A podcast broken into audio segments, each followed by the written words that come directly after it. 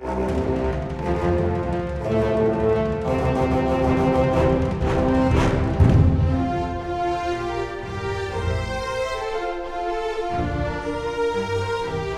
til Frankrike forklart, en podkast der du får svar på alt du lurer på om Frankrike. Mitt navn er Frank Urban. Og jeg heter Kjerstin Aukrust. Og jeg er tilbake. I alle fall for én eh, episode. Som eh, noen kanskje har fått med seg, så eh, har jeg for tiden en slags permisjon fra Frankrike forklart, fordi jeg konsentrerer meg om å bli frisk. Jeg har fått brystkreft og er under cellegiftbehandling. Men det går eh, bedre. Eh, det går i hvert fall eh, framover. Og selv om jeg er syk om dagen, så klarer jeg ikke å holde meg unna mitt yndlingstema, som er fransk politikk. Og det er det vi skal snakke om i dag. Fordi der skjer det jo ting om, om dagen, Frank. Det gjør det. For det har jo nettopp vært valg i, i Frankrike. Faktisk to valg samtidig, begge på, på lokalt nivå. Den 20. og 27. juni så ble både les élections départementales og les élections régionales avholdt. Og, og, før vi går nærmere inn på resultatene, kan du kort forklare hva disse valgene går ut på, Frank, og, og kanskje også hvorfor de foregår over to eh, valgomganger? Ja, det skal jeg prøve, Kjerstin. Først må jeg si at det er utrolig hyggelig å ha deg tilbake i denne episoden. Eh, Tusen takk. Du har, blitt, du har vært savnet. Eh, når det gjelder region og altså region, departement, regioner og fylker eh, Først så kan jeg si på generell basis at eh, når vi snakker om regioner i Frankrike, så snakker vi om 18 regioner etter reform fra 2015. Det er 13 regioner som er i selve Frankrike, altså de kontinentale Frankrike. Og så er det fem regioner som vi kaller for utachage Frankrike, dvs. Si regioner som ligger utenfor det kontinentale eh, europeiske Frankrike. Eh, når vi snakker om departementer, eh, altså eh, fylker, så snakker vi om 101, 101 departement, eller fylker. Så bare for å gi litt, litt målestokk. Og når det gjelder hvem som skulle velges i år, så varierer litt tallene, men det som man velger for, eller, er, eller velger inn, det er fylkesrådsmedlemmer og regionsrådsmedlemmer. Så det var omtrent litt over 4000 uh, fylkesrådsmedlemmer som skulle velges, og det var uh, rundt 100, 1757 uh, regionsmedlemmer, uh, regionsrådsmedlemmer som skulle stemmes. Så dette er jo om, om, om på en måte hvor mange det er snakk om. Når det, når, det, når det gjelder regionsvalget, så er det slik at velgerne de uh, går til valgurnene i to omganger. I år så var det uh, 20. og 27. juni. Og de stemmer på, uh, de stemmer på regionsrepresentanter som er valgt for seks år. og, og valgsystemet det er en kombinasjon av flertallslister, altså flertallsvalg, og forholdsvalgsvalg. og så foregår dette i to omganger. Det vil si at du kan enten vinne ved første omgang hvis du får mer enn 50 eh, og hvis du får mer enn 50% så får du en fjerdedel av alle mandater eh, i, eh, i regionsrådet. Og hvis det skjer, så blir de gjenværende mandatene de blir fordelt mellom alle lister som har fått minst 5% av, av stemmene. For man stemmer på lister. Hvis ikke man får 50% så uh, har man en annen omgang. Uh, og de listene som har fått minst 10% av stemmene, de kan gå videre til annen omgang. Og de kan eventuelt fusjonere med listene som har fått minst 5% av stemmene. Så dette var jo uh, første omgang. Ved annen omgang av valget så den listen som vinner, får automatisk en fjerdedel av alle mandater. Og de andre mandatene de er fordelt proporsjonelt Eh, mellom de ulike listene som har fått eh, i hvert fall 5% av stemmene. Så dette er jo for regionsvalget. Eh, for departementsvalget, eller fylkesvalget, så vil velgerne også stemme i to omganger. Uh, og de stemmer også for uh, fylkesrådsrepresentanter for seks år. Men da er systemet litt forskjellig. Da har man ikke en liste, da har man en binom, dvs. Si et par. Og det er jo interessant å tenke på, på, på en måte likestillingsprinsippet, som skal bestå av én mann og én kvinne. Eh, så alle stiller opp til valg med en binom, altså et par, mann, kvinne. Uh, og binomen, jeg kaller det for binomen fra nå av, uh, ved første omgang, hvis man får over 50% dvs. Si 50 av en stemme, så har man, så har man vunnet. og et tilleggskrav er jo at du skal ha 50 prosentstemme, men du må, også, du må også ha minst 25% av de velgerne som er registrert. og det er jo interessant hvis man tenker på valgdeltakelsen. ikke sant? Og hvis ingen binom er uh, valgt, uh, har vunnet, så har man en annen omgang. Sant? Den skjedde 27.6. Uh, og i den i andre omgangen så er det uh, på en måte de to binomene som er kommet uh, lengst, som har fått flest stemmer, som kan gå videre til annen omgang. Uh, og de, de, andre binomene, som ikke kom først, på første- og andreplass, de, kan, altså de kan gå videre hvis de har minst 12,5% av, av stemmene. Så det er den binomen som får flest stemmer, som er valgt. Eh, så det er eh, det som er systemet i to, eh, i to omganger. Ja, kompliserte, kompliserte greier. ja, og det er bare å ta en titt på listene og alt for å vite at folk er jo blir, blir, litt forvirret. Spesielt fordi at i år så ble de to valgene holdt samme dag. Vanligvis så, ja. så, så, har man det på ulike dager, men i år så hadde man samme valg med to ulike valgsystemer uh, samme dag. Så det ja, forsterket fortvilelsen. Det er ikke rart folk er forvirra. Men det vi skal snakke om primært i dag, det er dette regionsvalget, eller regionalvalget. Og vi skal se litt på de viktigste resultatene, og eh, ikke minst diskutere hva dette valget kan ha å si for det aller viktigste valget i Frankrike, som finner sted neste år, nemlig eh, presidentvalget. Men det som, det som kanskje er den største lærdommen, eller det viktigste resultatet etter eh, dette valget, det er eh, valgdeltagelsen. For den var altså historisk eh, lav. Kan du bare gi oss litt fakta om det, Frank? Det kan jeg prøve. Hvis man ser på alle valg i Frankrike, så er dette det dårligste, altså den dårligste valgdeltagelsen ved et valg i Frankrike, hvis man inkluderer folkeavstemningen. Eh, fra 2000, eh, hvor man hadde et, et, et forfall på 69,8% Så det var veldig eh, det, det var, det, Dette valget her, hvis man holder folkeavstemning, for folkeavstemningen er litt spesielle, det er ikke valg, det er noe annet, så er dette det dårligste valget noensinne under en femte republikk. Hvis man ser på første og annen omgang, på, eh, på eh, eh, regionsvalget så hadde man en deltakelse på 33,3% ved første omgangen. Og det gikk litt opp ved annen omgang ved, ved at man fikk en litt over 1 økning til 35,7, men likevel, likevel historisk lav deltakelse. Det betyr at ved første omgang så var det 66,7% som ikke stemte, og 64,3% som ikke stemte ved andre omgang.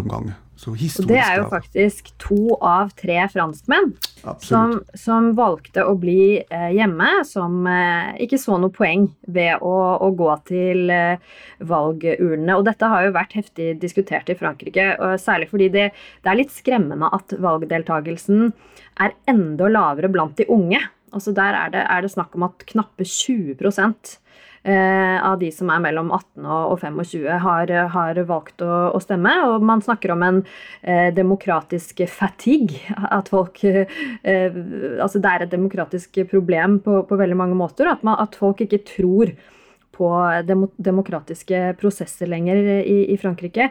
Hva, hva, er det man trekker frem som hovedårsakene til denne lave valgdeltakelsen? Jeg tror det er ganske sammensatt. Også. Men det, det er ganske interessant å se på gruppene. Du nevnte unge. Det, det, var, det var 87% blant de som er mellom 18 og 24 som ikke stemte. Og det var 72% kvinner, blant kvinner som ikke stemte.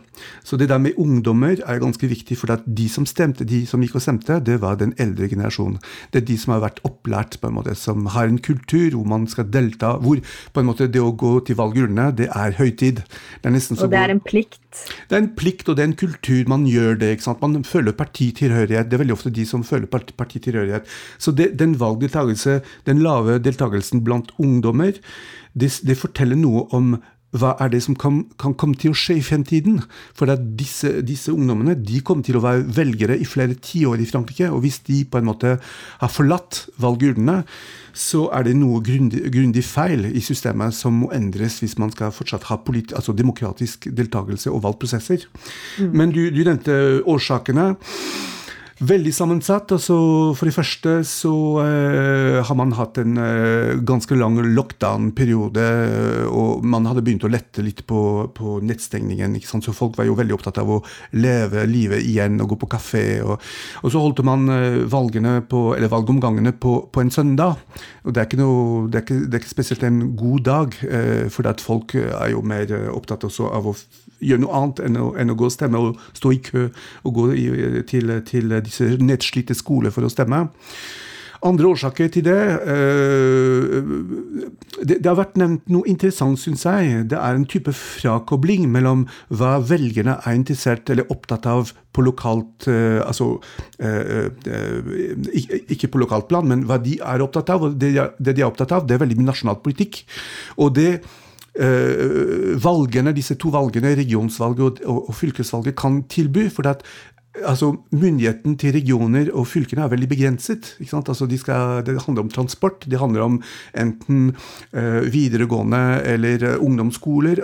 Men det velgerne var veldig opptatt av, det var harde temaer som f.eks. sikkerhet, uh, økonomi, kampen mot terror, innvandring. Men dette er ikke ting som skal tas opp i, i, i, regional, i lokale valg. Så, så, velgerne følte på en måte at ah, dette, angår, dette, angår, oss ganske lite. Eh, og i tillegg til det så, vel, så, venter de aller fleste på det store valget som er neste år, som er presidentvalget. Så det er en veldig sammensatt eh, det er veldig sammensatt årsaker til eh, den lave interessen til det valget. I tillegg så var det jo et, si et litt mer formelt problem som, som, dukket opp, nemlig at folk som satt og, og ventet på å få valgprogrammene til de ulike partiene i posten. Eh, som, som hjelper, det er noe som hjelper mange med å, å, ta beslutningen om hvem de skal stemme på.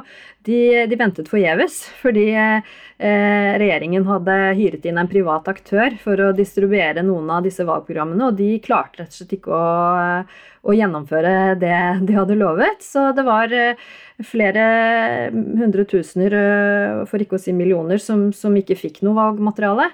Og, og, da kunne de ikke ta noen, noen eh, på en måte eh, beslutning på, på riktig grunnlag heller, da. Ja, og veldig ofte så er det på en måte det å få det i posten. ikke sant? Du får valg Du får, du får, du får, du får på en måte programmene til partiene i, i, postkassa di. Altså Du kan unngå å tenke på valget hele tiden, men når du først får det i postkassa, så, så, så skjer det noe. Tenker, oi, oi, nå, nå, er det valg på søndag, nå må jeg gå og stemme. Men når ja. det ikke skjer, så forsvinner den siste motivasjonen. Mm. En, eh, apropos disse, den store andelen hjemmesittere, som, som på fransk heter eh, les abstentionistes. Jeg leste en, en, undersøkelse som viser at eh, selv de som valgte å, å, bli hjemme, da, hjemmesitterne, de syns også det er et demokratisk problem at, mange, at så mange ikke stemmer.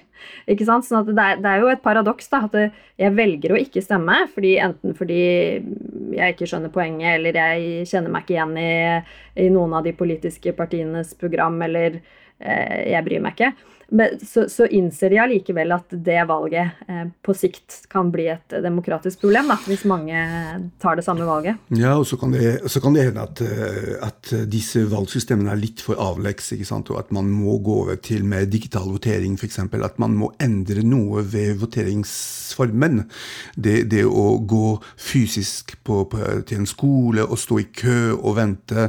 Sånn, kanskje man, man, man, kan gjøre det på en litt mer moderne måte som vil, eh, som vil oppmuntre unge velgere til å, til å stille opp.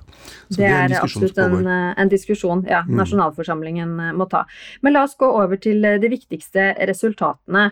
Og Kort oppsummert så kan vi vel si at det er to store tapere etter dette valget. Det er eh, president Macrons parti La République en Marche, som vi kan forkorte til LREM, og Marine Le Pens parti på ytterste høyre fløy Rassemblement National, eller eh, Nasjonal Samling, som det heter på norsk.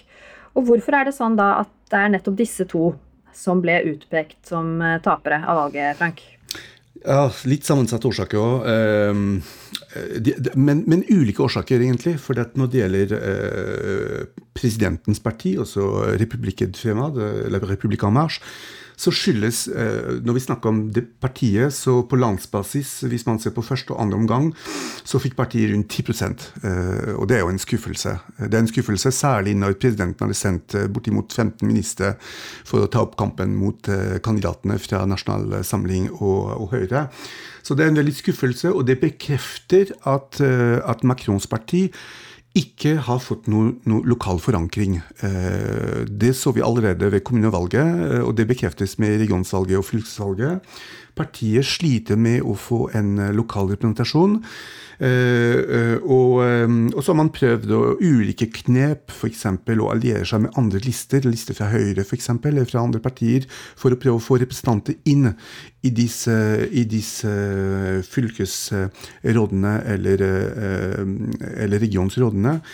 Eh, men det er ganske, eh, det ganske mislykket. Jeg vil bare skyte inn disse, disse representanter som vi snakker om, de er ganske viktige fordi at de driver regioner og fylker. Men det er også de som skal brukes når kandidater til presidentvalget skal høste inn disse 500 stemmene som de trenger for å kunne stille opp til presidentvalget som kandidat. Så det er ganske viktig for partiene å ha nok på en måte representanter som er valgt inn både i fylkesrådene og regionsrådene, fordi det gir dem også muligheten til å lettere få disse 500 stemmene som de trenger for å stille opp til presidentvalg. Så, og det du sier med at uh, La République en Marche har uh, så dårlig lokal forankring, det viser jo også at det er et utrolig skjørt uh, parti. og at altså det handler egentlig utelukkende om Emmanuel Macrons person. Altså, det er han som er partiet, og uten han så er det på en måte ingenting, da. Eh, det er, ikke noen, det er eh, knapt noen aktivister. Det er, det er liksom bare et apparat rundt han. Ja, Det fungerte, det fungerte jo i 2017. ikke sant? Han vant jo valget. Det, men, men, det er litt sjokkerende i sammenheng, for du har en lang tradisjon for partier, hvis vi ser på Sosialistpartiet eller på eh, Republikanerne, Høyrepartiet. altså De har jo dype røtter i lokal politikk, og veldig ofte så er det det som redder dem. Mens etter det valget her så står man igjen med inntrykk av at Macron står ganske alene, egentlig. Han har jo flertall i nasjonalforsamlingen, men utover det så, så finnes det ikke den lokale forankring, forankringen som, som, som, som, du nevnte. Du nevnte også Nasjonal Samling, eh, og det er litt andre årsaker for at nasjonalsamling Nasjonal Samling gjør det ganske dårlig ved dette valget. Uh, først må det nyanseres. Hvis man ser på den eh, altså på spredningen av stemmene til Nasjonal Samling eh, på landsbasis i regioner, så er det faktisk ganske imponerende. Eh, altså, partiet var jo spådd eh, i hvert fall å kunne vinne én region, minst én region, og ledet etter eh, fem-seks regioner eh, etter første omgang. Så, så partiet er, vel, er godt, altså godt, forankret nå lokalt, både i regioner og fylker, i motsetning til, til Macrons parti. Eh, men derimot eh, så har man eh, valgt en strategi kanskje som har vært mislykket fra Nasjonalt samlingsstandpunkt.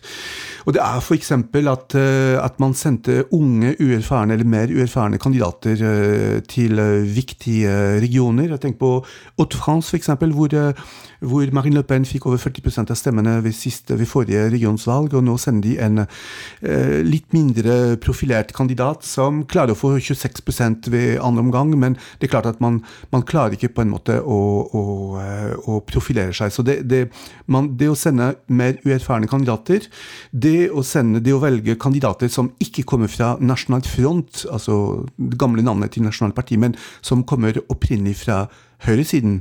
Eh, og det er tilfellet i region Provence-Côte d'Azur, hvor eh, kandidat Mayani kom opprinnelig fra republikanerne fra høyresiden, eh, og ikke fra Nasjonal Front. Og blant, det er en del, i hvert fall blant Nasjonal, Fronts, eller Nasjonal Samlings velgere, som er skuffet, eller som er ganske bitre fordi at de betrakter disse kandidatene som ikke ekte Nasjonal Fronts kandidater, men som på en måte folk som uh, fikk innpass i partiet.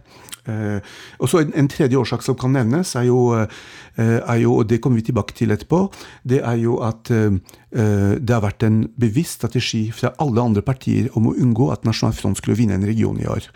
Og det har vært lange diskusjoner før første omgang, mellom første og andre omgang, om hvorvidt partiene som ikke kom langt nok, på en måte måtte trekke seg til fordel for de, parti som led, de partiene som ledet, for å unngå at Nasjonal Front skulle vinne.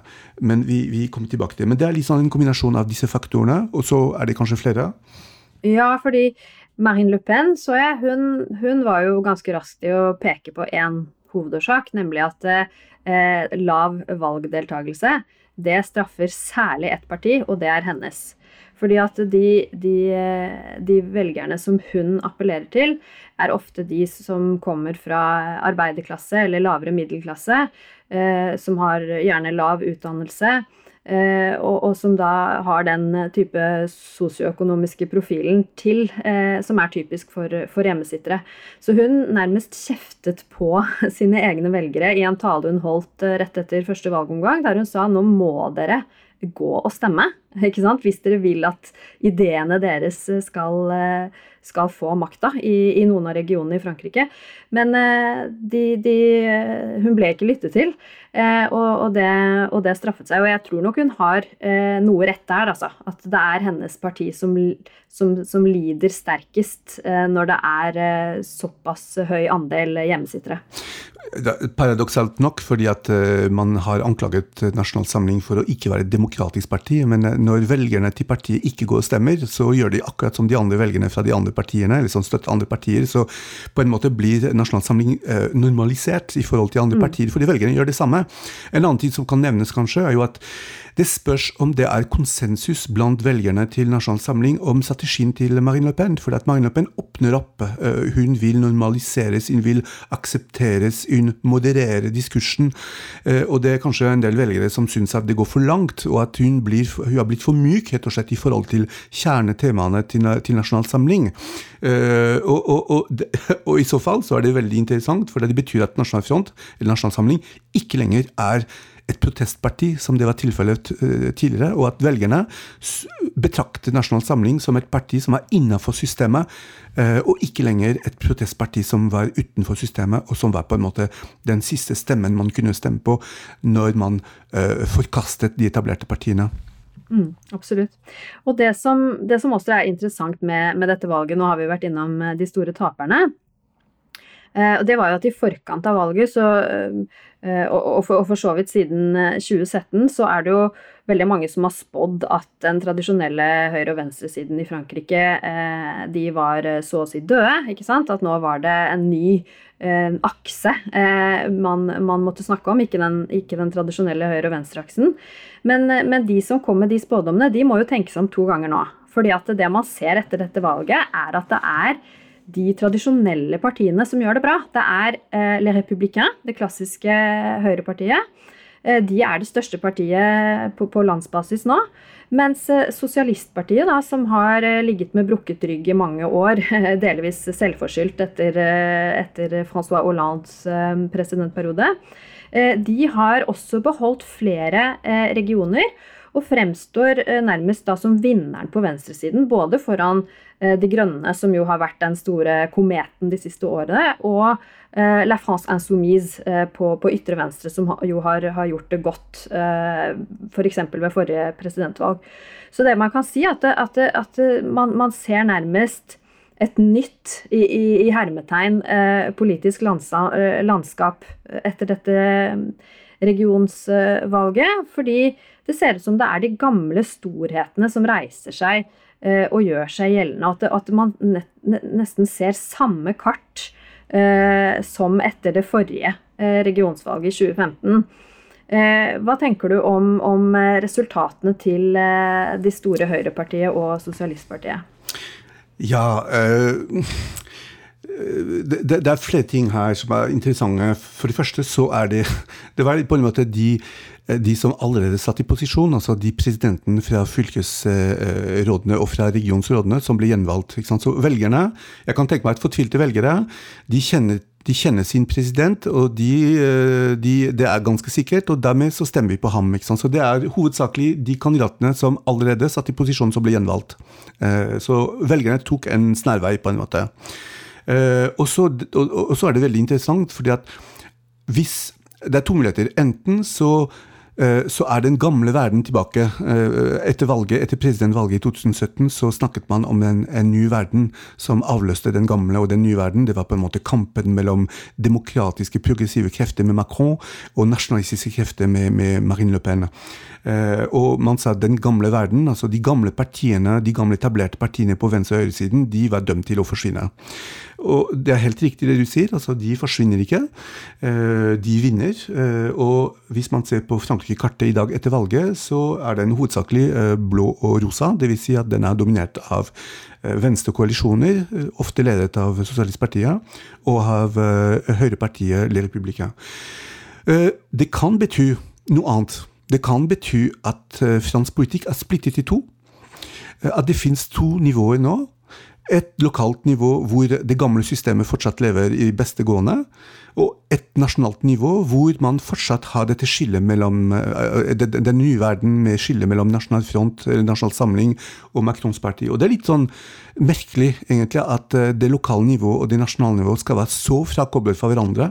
Uh, og det øker sikkert usikkerheten rundt, rundt, hvordan velgerne som er stemt på Sosialistpartiet eller på eh, republikanerne, høyre, høyresiden, ved et lokalt valg. Hvordan vil de stemme nå, når de skal stemme til presidentvalget neste år?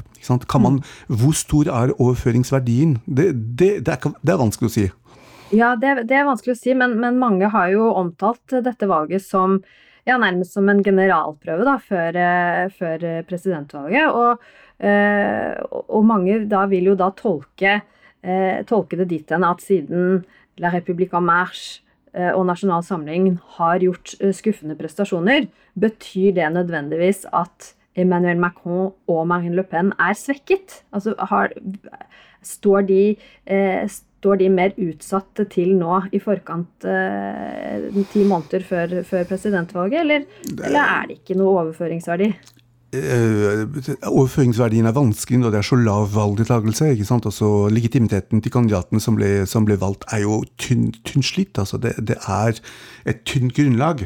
Hvis man ser på meningsmålingene eh, altså Meningsmålingene for Macron er fortsatt veldig gode på landsbasis. altså Han høster rundt 50 oppslutning, noe som er langt større enn en tidligere presidenter i samme periode. Så, og, og Marine Le Pen er kritisert for, eh, for, strategien som ble valgt under, eh, under dette, disse lokale valgene. Men, eh, men, det er for tiden ingen som virker å kunne true hennes posisjon som kandidat for Nasjonal Samling. Så, så det er veldig vanskelig å spå fremtiden. for det som er helt uten tvil, er jo at venstresiden og høyresiden de aner at den konfrontasjonen mellom Le Pen eh, og, og, og, Macron den er kanskje ikke så uunngåelig som man trodde først. Kanskje det er et politisk rom for dem, og de prøver å utnytte dem. og Du nevnte eh, disse kandidatene fra høyre- og venstresiden som veldig, veldig, tidlig har sagt at de ser en nasjonal dimensjon ved dette valget. ikke sant? Og, og det gjelder særlig høyresiden.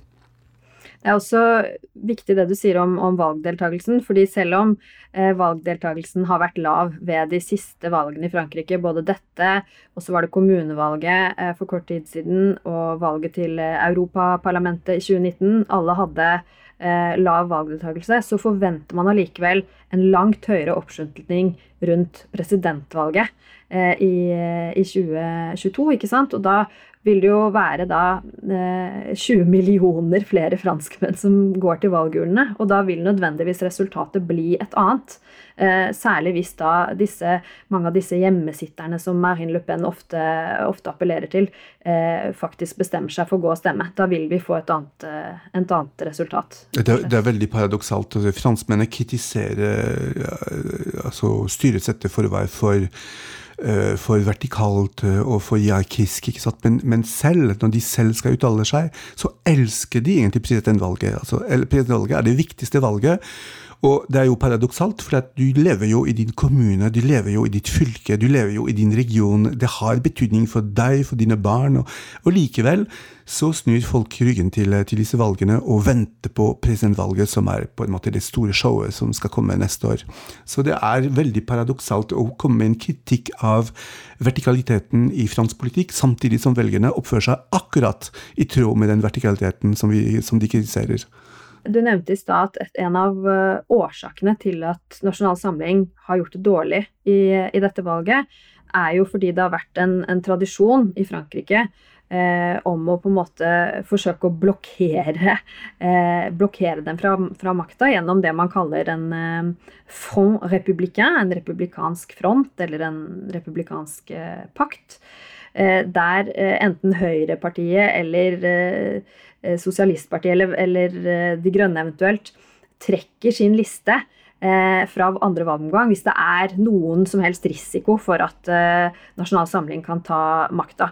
Og det har jo vært veldig viktig nesten i hver eneste region eh, ved tidligere valg. Men i år så var det, eh, så vidt jeg kunne se, bare i denne regionen i, sør, eh, PACA, Provence-Alpes-Côte d'Azur, der den gjorde seg gjeldende.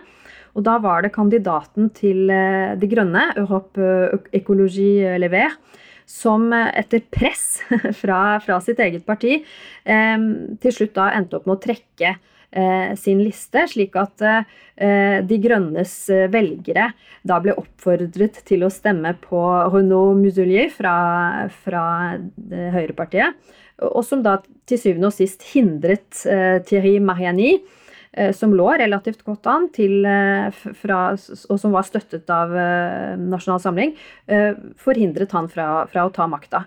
Så, så den, den, republikanske pakten, eller fronten, den lever fortsatt. Men den har ikke vært like aktuell eh, i, i, like mange regioner eh, som tidligere.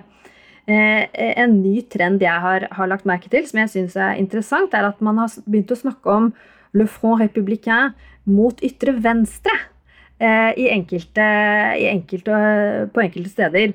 Og det var særlig i denne store, viktige regionen som heter Ile-de-France, der bl.a.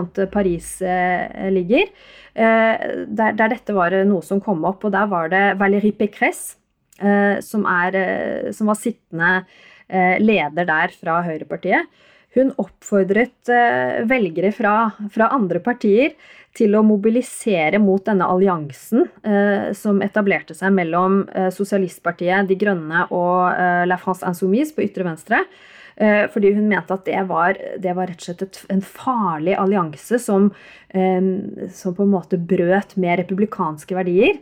Eh, og som nå måtte man rett og slett lage en republikansk front mot ytre venstre, og ikke bare ytre høyre. Og det syns jeg var veldig interessant å se en sånn type retorikk spre seg. Mm. Jeg tror hun nevnte at venstresiden har mistet sitt republikanske kompass.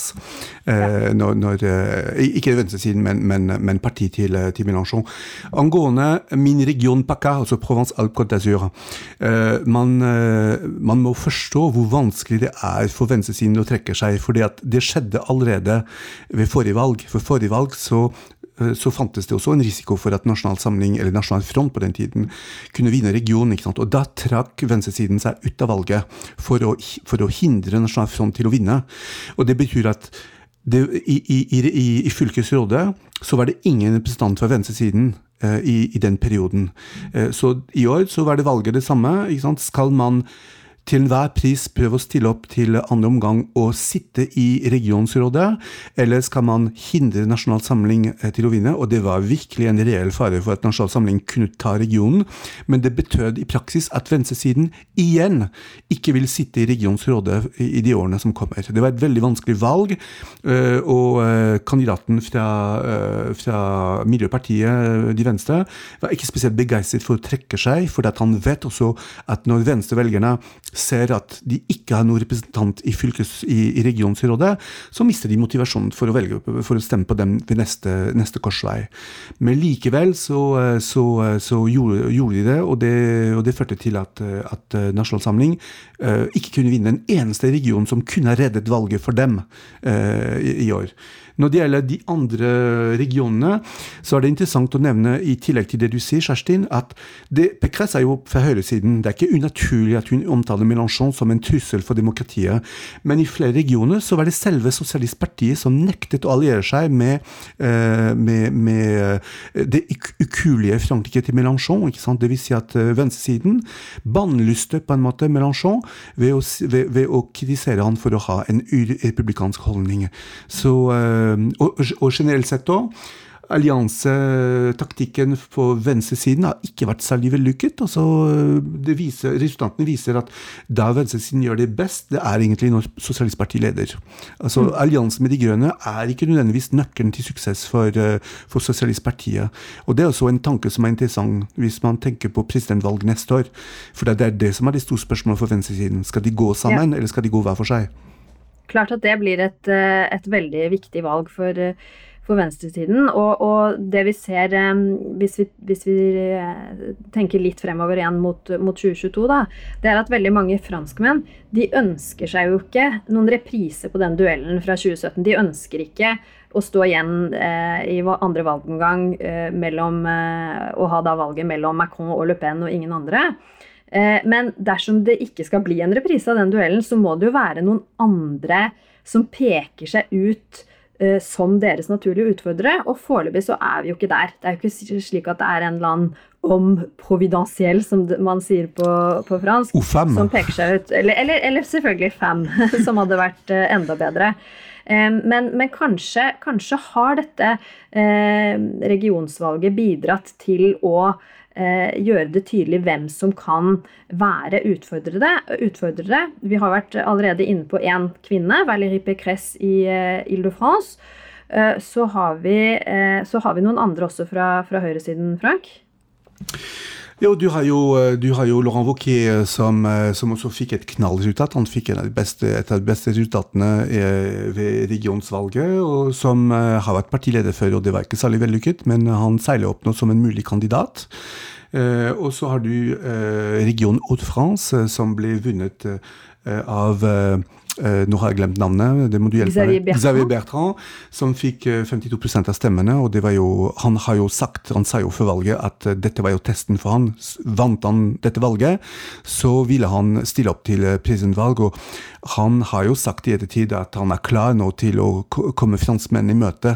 Så, ja. Og det som er interessant, det er jo at både Pécresse og Bertrand uh, meldte seg ut av partiet Republikanerne. Så uh, republikanerne stiller, stiller, opp Eller de har tre potensielle kandidater, hvorav to ikke lenger er medlemmer av dette partiet.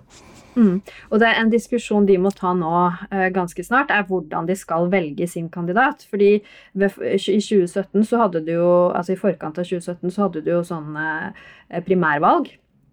Uh, som, som, rett og slett skapte veldig mye splittelse i partiet, og, og, og det endte dårlig, som vi, som vi husker med, med, katastrofevalget til Fillon. Men, men det er mulig at de kommer til å uh, gjennomføre primærvalg denne gangen også. Det Christian Jacob, som er lederen til republikanerne, har foreslått nå, er rett og slett å, å gjennomføre en ganske omfattende meningsmåling for å finne ut om det er en naturlig en kandidat naturell som, som, på en måte eh, gjør seg gjeldende. Eh, og foreløpig ligger det an til at den naturlige lederskikkelsen er eh, Xavier Bertrand. Um, så jeg holder en knapp på han. Det, også, det jeg ser, er også at, at Valérie Pécresse hun, hun, snakker om at nå begynner høyresiden eh, Og hun snakker ikke da om, om partiet, men, men, høyresiden begynner å få sitt dream team. Eller dream team, som hun sier. På, på lokalt nivå, da, som består av uh, hovedsakelig henne selv, uh, Xavier Bertrand og Laurent Wauquiez, som som, som du nevnte. Og hvis de tre Eh, på en eller annen måte, eller, eller, to av dem kanskje kan bli enige om at den ene er presidentkandidat og den andre er statsministerkandidat, og at, det, at de fremstår samlet istedenfor at de skal kjempe, krangle om å bli toppkandidaten, så tror jeg kanskje de, de, de kan være en, en, utfordrer. Og hvis vi ser til på venstresiden igjen, så, så snakket vi om at de må bestemme seg for hvordan de skal om de skal, de skal danne noen allianser eller hva, det tror jeg kan bli veldig vanskelig. Eh, og, og, og, noen naturlig lederskikkelse er det vel ikke der foreløpig, annet enn en Mélenchon, selvfølgelig. Eh, Jean-Luc Mélenchon. Men han, som du nevnte nettopp, så har, begynner han å få et litt sånn problem, image-problem, rett og slett, eh, som, som, ble forsterket rett før eh, regionsvalget ved at han hadde noen relativt tvilsomme utsagn på fransk radio som var av eh, konspiratorisk art, rett og slett. Og det, det, det gjør at han, han, blir ansett mer og mer som, eh, som problematisk, eh, som, som, en sånn samlende ledertype. Så har du eventuelt Julien Bayou, som, som er en en type som Han er leder for De Grønne. Og har gjort, gjort det bra eh, som, som, lederen for denne, nye, denne alliansen i, eh, i Ile-de-France. Men, eh, men jeg, jeg, ser ikke heller at han kan være en sånn lederskikkelse som kan utfordre Le Pen og Macron eh, på noen måte. Hva tenker du? Jeg tenker på at Hvis man ser på venstresiden, så har man egentlig tre ganske like eh, vi vil ikke kalle det for mengder, men enheter. ikke sant? Altså, øh, De Grønne og Sosialistpartiet veier omtrent like mye nå. ikke sant? Eh, de Grønne er sikre på at det er de som står for dynamikken på venstresiden, øh, og at en sjanse for å vinne i fremtiden går gjennom en, et lederskap som sikres av De Grønne. Men Sosialistpartiet, det ligger i partiets kultur er på en måte den naturlige lederen på venstresiden og ikke kan se for seg en situasjon hvor partiet godtar at et annet parti tar ledelsen i presidentvalget. og, Mélenchon har også en forståelse om at han er den eneste legitime kandidaten på venstresiden, så det blir veldig vanskelig noen må gi. Eh, noen må gi seg. Noen må, må, trekke seg for at det skal kunne bli en sjanse. Fordi at øh, hvis man ser på, på, hvor mye de veier De veier omtrent øh, altså, ganske likt, men, men, men til sammen så kommer de fortsatt for kort for, til, å kunne, til, å kunne, valge, til å vinne valget. Og på høyresiden, du snakket om primærvalget. Primærvalget er ikke noe naturlig for høyresiden i Frankrike. altså Frankrike, Den franske høyresiden er bonapartistisk. Dvs. Si at den liker den sterke, den sterke naturlige lederen. Det å, det å, måtte holde et valg, et internt valg, hvor det blir et bikkjeslagsmål mellom de potensielle kandidatene som vil bli presidentkandidat, det er, de, altså de har hatt litt varierende erfaring med, med, den prosessen der. Så de vil helst slippe det. Og Bertrand har jo bl.a. sagt at han helst eh, vil holde seg utenfor et, et, et primærvalg. Man men han blir kanskje nødt til å delta likevel. Særlig nå, som du påpekte, at han seiler opp som kanskje den klareste av de tre som kan, som kan bli presidentkandidat. Mm. Og for Sosialistpartiet så er det muligens eh, Paris-ordfører eh, Anne Hidalgo da, som, som, seiler opp som eventuelt eh, en, eh, den mest naturlige lederskikkelsen der. Og bare et lite parentes til slutt når det gjelder eh, mulige utfordrere til eh, presidentvalget. Det er Eric Zemmour, som er en veldig kontroversiell forfatter, kommentator og, og journalist, som som kanskje faktisk kan stjele noen velgere, velgere, fra Marine Le Pen. Du nevnte det at hun begynner å bli, eh, få en litt for normal profil, kanskje, for noen. Eh, og, og at, den, at, Erik Simour da kan stjele eh, noen av de, de mest eh, opposisjonelle eh, og, og, og, sinteste velgerne hennes, eventuelt. På slutten av, av hver episode som vi, som vi nærmer oss nå, så kommer vi med, vanligvis med en liten fransk eh, anbefaling til eh, våre lyttere, og det skal vi gjøre denne gangen òg. Jeg vil gjerne anbefale en bok som jeg mener er relevant for mye av det vi har snakket om i dag. Den heter Plurien Plus rien à faire, foutre. La vraie crise de la démocratie, og det er av Brice Teinturier.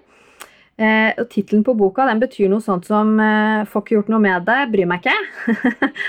eh, og den tar rett og slett for seg årsakene bak og konsekvensene av dette eh, økende gapet som vi har snakket om mellom eh, franske velgere og, og, politikerne, om den økende politikerforakten, eh, økende andel hjemmesittere i Frankrike, og forsøker, forsøker å komme til bunns i dette demokratiske problemet. Frank, har du også en anbefaling? Ja, det har jeg. Jeg valgte en podkast fra France Info uh, med navn 'Élysée la bataille'. Den, presenteres, den, presenteres, av Naila Latrou og tar for seg ulike temaer knyttet til opptrappingen til presidentvalget neste år gjennom veldig gode analyser og intervjuer. Og det er en podkast som, som, man finner på websiden til France Info. Mm -hmm. Da gjenstår det bare å ønske våre lyttere en riktig god sommer.